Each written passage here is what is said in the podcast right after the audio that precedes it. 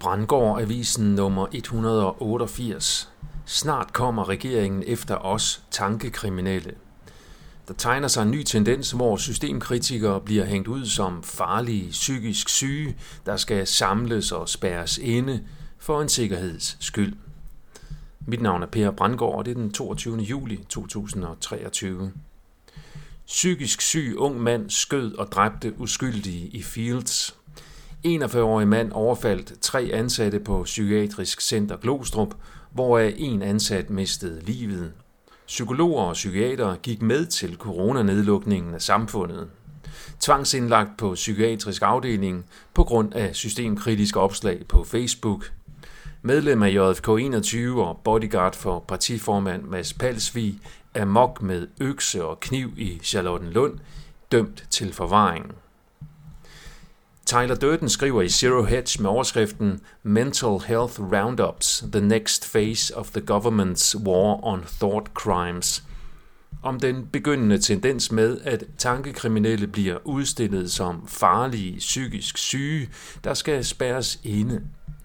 Sagerne i Danmark med, at psykisk syge går amok og dræber uskyldige, understøtter denne agenda.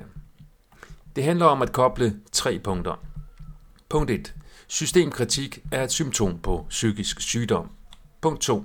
Psykisk syge er voldsparate og farlige. Og punkt 3. Forebyggende tvang over for psykisk syge er nødvendigt for sikkerheden i samfundet. En agenda som denne passer perfekt til det danske samfund. Det er naturlig videreførelse af propagandaen for, at folk, der tror på konspirationsteorier, er tossede. Den propaganda er også baseret på at koble punkter. Punkt 1. Valid systemkritik findes ikke. Punkt 2. Al systemkritik er konspirationsteori. Punkt 3. Al konspirationsteori er uden evidens og logik. Punkt 4.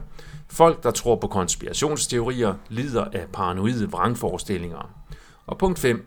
Folk, der lider af paranoide vrangforestillinger, som for eksempel Fieldsmanden, er farlige at have gående frit rundt i samfundet. Agendaen er baseret på misforstået, misbrugt og våbengjort medfølelse, ligesom så meget andet siden coronabesættelsen. Systemkritikere bliver gjort til krænkere af uskyldige ofre. De potentielle ofre er alle, så det mest praktiske vil være simpelthen at samle disse krænkere og spærre dem inde på psykiatriske afdelinger, hvor de kan blive behandlet for deres tankekriminalitet med noget dejligt sløvende antipsykotisk medicin. Det bliver spændende at se, hvorvidt de lykkes med den formodede plan. Alene det at forestille sig, at sådan en agenda er på spil, gør i øvrigt mig til kandidat til anbringelse på en institution for farlige tankekriminelle. Alene det at forestille sig, at nogen som helst dybere agenda er på spil om noget som helst, er en tankekriminel handling i den dystopiske fremtid.